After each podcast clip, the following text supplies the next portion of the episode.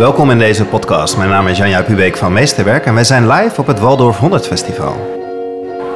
We hadden het begrip bepaalde vakken onder de streep. Die telden niet voor je overgang. Muziek, handvaardigheid, tekenen en gym. Mijn naam is Merel Woon. Dit is Meesterwerk. Merlijn Twaalfhoven mobiliseert kunstenaars voor een betere wereld. Daarvoor richt hij in september 2017 de Turnclub op.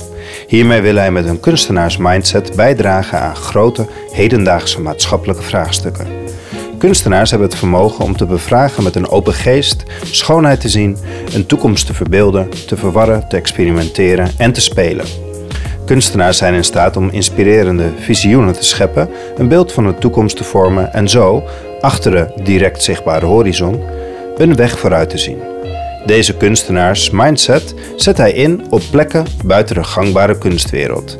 Op plekken waar complexe vraagstukken spelen, biedt hij samen met het turnteam een ander perspectief, formuleert hij nieuwe vragen en creëert hij ruimte voor het niet weten.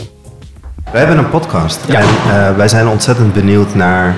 Het is 100 jaar vrije school. Ja. En jij bent hier en eigenlijk van, nou ja, vertel. heeft je hier gebracht? Wat heeft jou hier gebracht? Ja, ik eh, verwacht hier eigenlijk eh, eh, praktisch idealisme. En dat zie je niet zomaar in de wereld om je heen. Daarin zie je vooral heel veel mensen die heel effectief bezig zijn, heel efficiënt bezig zijn, die een ongelooflijk knappe machinerie van een samenleving hebben gebouwd. Waarin van alles mogelijk is, dus technologisch, zo ongelooflijk veel welvaart. Er zit natuurlijk een enorme duistere kant die steeds meer voelbaar wordt over de klimaatverandering en het, eh, nou ja, de schade aan de, de hele natuur en de planeet. Maar eh, de vraag is inderdaad, waar voel je het idealisme en hoe kan idealisme van een, een mooi abstract beeld of ideaal zijn, uiteindelijk praktisch en concreet en tastbaar worden? En dat voel je op een dag als vandaag. En hoe draag je daar dan bij om, dat, om dat, die twee werelden bij elkaar te krijgen? Nou, ik, ehm, ik maak me ook zorgen over eh, de idealist zelf. Eh, niet voor niets zijn veel mensen vol grote idealen, soms in burn-out of op andere manieren. Nou ja, trekken ze het niet. En dat zit denk ik in het eh, ja, de focus dat alles over individuen gaat. Dat mensen zelf dingen kunnen en dingen moeten en dingen bouwen. En als je vol idealen zit, dan heb je ook echt de overtuiging van ik moet dit doen. Dit moet gebeuren en dit moet goed gebeuren. Eh, en daar zit dus een enorme opdracht om dingen minder alleen te doen. En meer Ja. samen te kunnen doen. En of je nou in een school of in een bedrijf of ergens werkt, dan heel snel heb je een rol. Maar die rol is niet het ideaal, per definitie niet. Want een ideaal is altijd groter dan die rol die je hebt. En hoe kun je dan nou toch dat grote ideaal een plek geven en daar toch echt aan bouwen, zonder het idee te hebben dat het een privé kwestie is? Hoe kun je dus een gedeelde idealen bouwen? Nou, daar heb ik net een, eh, verhaal en een aantal oefeningen over gedaan. Mensen zijn met elkaar in gesprek geraakt.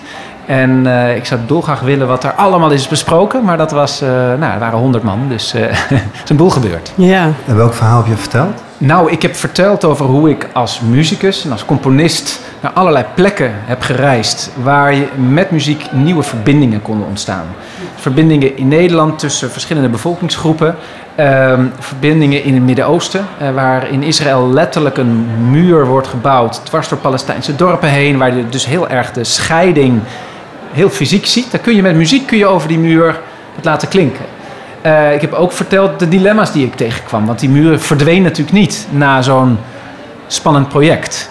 Dus ik heb eigenlijk willen delen dat ik eigenlijk heel radeloos ben geworden. Omdat ik wel zag wat muziek en wat kunst kan doen. Maar tegelijkertijd hoe weinig kunstenaars mensen het doen. Want überhaupt zijn er weinig kunstenaars. En dan binnen die kunstenaars, die zijn allemaal zo druk om überhaupt te bestaan. Dat daar ook nog maar een heel klein gedeelte is die zegt... ik ga echt in die samenleving groepen bijeenbrengen of scheidslijnen doorbreken. Ik ga helend werk doen. En dat wordt dus uiteindelijk eh, de taak van een aantal losse mensen die daar inderdaad eh, heel snel overspannen van raken, omdat dat zulke grote vraagstukken zijn. Dus hoe kunnen, ja, hoe kan eigenlijk het beeld van kunst, hoe kunnen we dat een beetje loslaten en vooral kijken waar zit die kunstenaars mindset? En hoe kunnen we de kunstenaar in iedereen aanspreken? Zodat het niet neerkomt op die enkelen die daar misschien in een wijk of een buurt of in het onderwijs of op andere plekken die verbindingen maken, maar zodat het uiteindelijk veel meer mensen uh, ja, vanuit die, ja, die helende werking van toch waar kunst voor staat, die verbeeldingskracht, de schoonheid en het spel. Nou ja, hoe kunnen we dat eigenlijk ja, naar, naar boven krijgen, mobiliseren, uh, laten stromen? Hoe zag jouw nou, kunstwerk eruit tussen Israël en Palestina? Um, nou, het, ten eerste was het zo dat ik dacht van dat wordt een dialoog tussen twee ja, uh, verschillende volkeren. Uh, de ene zijn de Israëliërs, de andere zijn de Palestijnen. Maar als je kijkt waar die muur staat, die gaat dwars door de Palestijnse dorpen heen.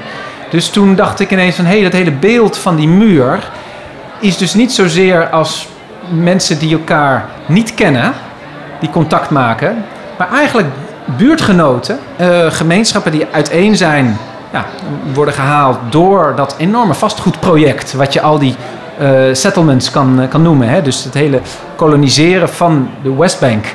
Er wordt natuurlijk gezegd dat dat gaat over idealen en over zionisme of over. Nou ja, maar daar zit vooral heel veel geld en heel veel vastgoed en heel veel belangen van mensen die daar enorm veel mee, geld mee kunnen verdienen. Dus hoe blijf je daar als individu in staan? Hoe houd je je waardigheid? Dus we zijn vooral met de kinderen die opgroeien de schaduw van de muur aan de slag gegaan om vooral te uiten dat jij er bent. Ik ben er. Ik droom. Ik zit vol met. Ja, uh, ik heb een leven voor me. En uh, uh, zing dat de muur over. Wow. en hoor ook aan de andere kant er ook allerlei kinderen en mensen dat terugzingen. En dat heeft heel veel betekend voor de mensen daar. dat durf ik echt te zeggen. Tegelijkertijd, het is ook weer overgegaan. Want ik ben weer verder gegaan. Ik heb, ben toen zelf vader geworden. Ik had op een gegeven moment dus ook kinderen in Nederland. En dat, ja, toen heb ik dat ook weer losgelaten, dat soort werk. Ja, en dat, uh, daar, dan loop je wel rond met een enorm gevoel van: oké, er kan zoveel. Uh, er is zoveel nodig. Uh, je kunt misschien die muren niet afbreken, maar je kunt dus heel veel doen aan de stemmen van mensen die hun eigenwaardigheid kunnen vieren en kunnen uiten. En ja, hoe doe je dat als je maar één persoon bent? Hmm. Dus daar liep ik toen eigenlijk in vast. Welke droom heb jij? Wat, welk kunstwerk zou je nog heel graag willen maken? Nou, Wat droom je van? nou ik, ik, droom eigenlijk dat er een heel. Uh, nou, misschien, misschien kun je het zien zoals we uh, als samenleving op een gegeven moment hebben gezegd: we gaan kerk en staat scheiden. Want dat zijn gewoon twee werelden, die moeten we niet de hele tijd met elkaar vermengen. Zo zou ik ook de economie willen scheiden van de samenleving. Dus de economie die heeft natuurlijk een belangrijke rol. We hebben werk, we hebben geld, we hebben spullen, een handel enzovoort. Maar er is ook een samenleving die waarden heeft die niet allemaal economisch zijn. Nou, dat is natuurlijk een open deur. Maar uh, dat kun je vertalen in heel concreet van waar zijn de plekken waar dingen mogen en kunnen en waar dingen de ruimte krijgen die niet allemaal een uh, economische waarde direct hebben, die je dus niet allemaal kan verkopen. Nou, daar zijn fysieke plekken voor nodig, maar daar is ook tijd voor nodig. Dus ik ben bijvoorbeeld gestart om te zeggen Fridays for Future. Wat een slogan was van de, de uh, middelbare scholieren voor de, hun klimaatstaking. Ja, ontzettend mooi voorbeeld hè? Van, van jeugd die opstaat en, Ja. en, en het doet en het, Nou, het leeft. Ja. En je claimt eigenlijk zo'n dag in de week. Je zegt van nou, wat is er... Het is het minste dat je één dag in de week kan reserveren voor zo'n enorm groot, allesomvattend vraagstuk wat er is, wat er nu speelt. Ehm, en ik wil eigenlijk dat Fridays for Future ook delen met allerlei mensen in mijn omgeving die zeggen: Ja, ik ben druk, ik ben druk.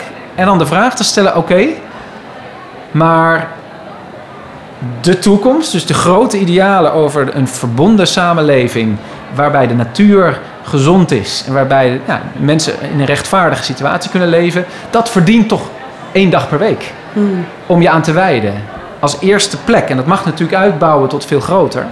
Maar dat je zegt, ik hoef één dag per week misschien niet mijn geld te verdienen, maar aan normale dingen te regelen.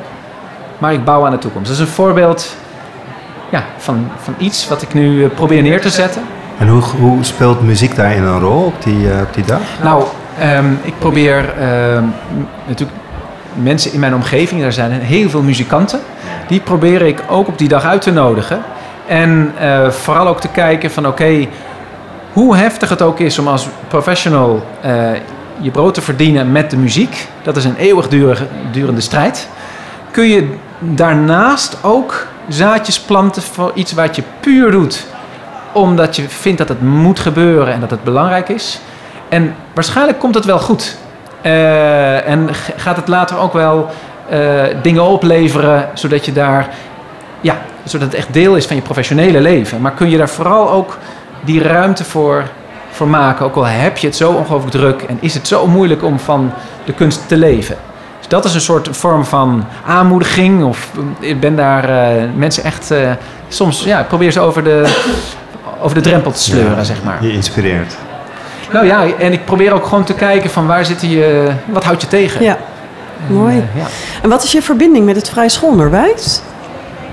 Um, ik heb in Meppel op de lagere school gezeten. Oh, je bent ook oud-leerling? Ja. Ach, ja. dat wisten we niet. Ja. ja. En um, uh, daarna, omdat de bovenbouw in Groningen was... en ik woonde ook nog helemaal op het platteland van Drenthe... was dat eigenlijk uh, onbereikbaar. En ben ik wel, uh, ja, dus heb ik heel erg de overgang gevoeld van een vrij school onderbouw naar een ja, reguliere middelbare school. En dus echt, juist in die middelbare schooltijd merkte ik heel erg wat die waarden zijn, die eigenlijk in mijn lagere schooltijd vanzelfsprekend waren. En hoe zeldzaam die eigenlijk zijn, ja, in de grote wereld. En hoe absurd dat is. Het feit dat sommige dingen niet mooi hoefden te zijn. Dat je gewoon je werk moest inleveren en dan moest kloppen. En dat ik dat dingen probeerde mooi te maken, maar dat een docent dan met een rode pen er gewoon een beetje doorheen ging als er een spelfout stond en zo. Um, dat. Ja, dat, dat, dat geeft een soort, eigenlijk een soort raar beeld van, oh ja, dus sommige dingen zijn belangrijk in deze wereld, maar dingen waar ik veel waarde aan hecht, of die ik heel vanzelfsprekend vind, die tellen helemaal niet mee. We hadden het begrip bepaalde vakken onder de streep. Die telden niet voor je overgang. Muziek, handvaardigheid, tekenen en gym. Ja, dat is Oh, bizar. dat is pijnlijk, ja, hè? dat is heel pijnlijk. Ja. De persoon die je bent en wat jij belangrijk vindt, wordt daarin niet gezien. Ja, Onder de streep. Onder de streep. Ja. Hé hey Merlijn, en als je zegt van goh, dat, dat beeld wat je net schetste van je droom en die Fridays for Future, ik ga echt helemaal aan. Ehm, eh, hoe zou de vrije school daar de komende 100 jaar aan kunnen bijdragen? Hoe ziet dat eruit?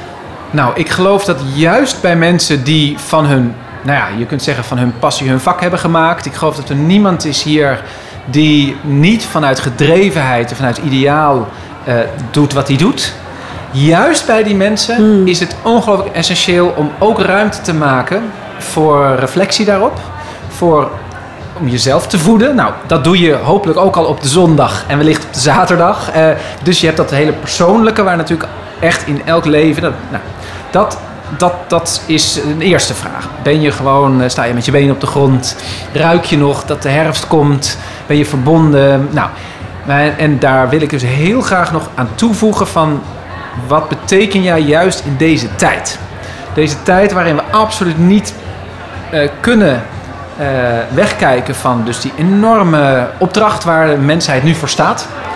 Echt nou, een soort splitsing tussen gaan we door en gaat die temperatuur echt naar eh, omhoog. En gaan, gaan er enorm veel dieren uitsterven enzovoort. Of houden we het bij toch al een ramp, want we zijn natuurlijk al een heel end. Maar kunnen we toch die planeet leefbaar houden?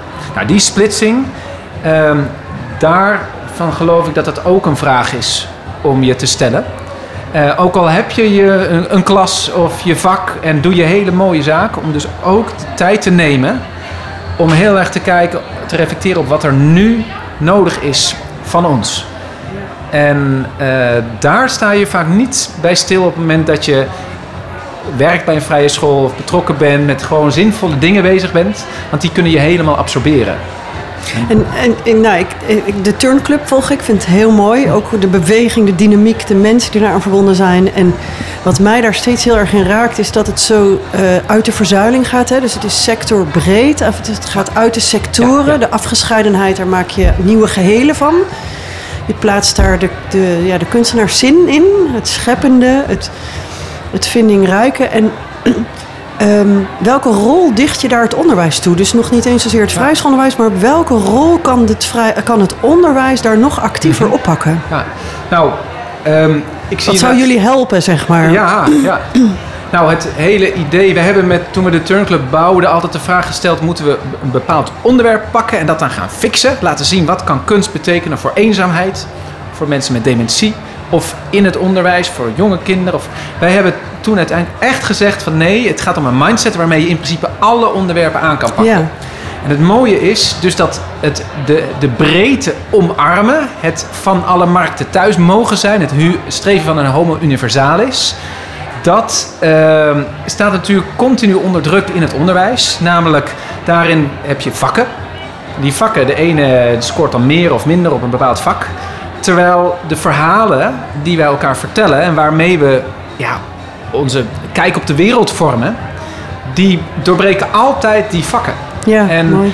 Dus eh, om echt radicaal vakdoorbrekend te kunnen zijn, dat eh, zie ik als een enorme opdracht ehm, eh, voor, het, voor het onderwijs.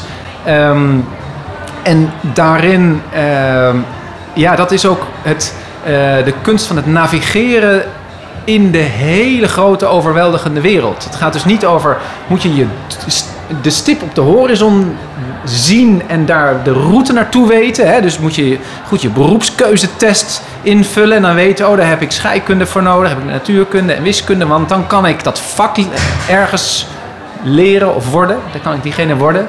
Nee, kun je navigatiemiddelen verzamelen. Middelen om je te verhouden tot een veranderende wereld. Een wereld die onzeker is, een wereld die complex is. Maar waarbij je dan toch ook ja, gedreven door je idealen nou ja, op pad kan gaan. Te gek. Wauw, ik vind het heel mooi. We En- willen jou wel voor een uur hier. Ja, ja, het is ook is schitterend. Achter je lopen de mensen op hele hoge eh, Ja. stokken met hele prachtige kleren. Dat leiden in de, in de visualisatie. Ja. Marlijn, ik wil je ontzettend bedanken voor je enorme inspiratie en, en, en, En je tijd. Je tijd en, Ja. je, en je passie. Ja. Dankjewel. We gaan bijdragen aan je droom. Fijn, Merci. super.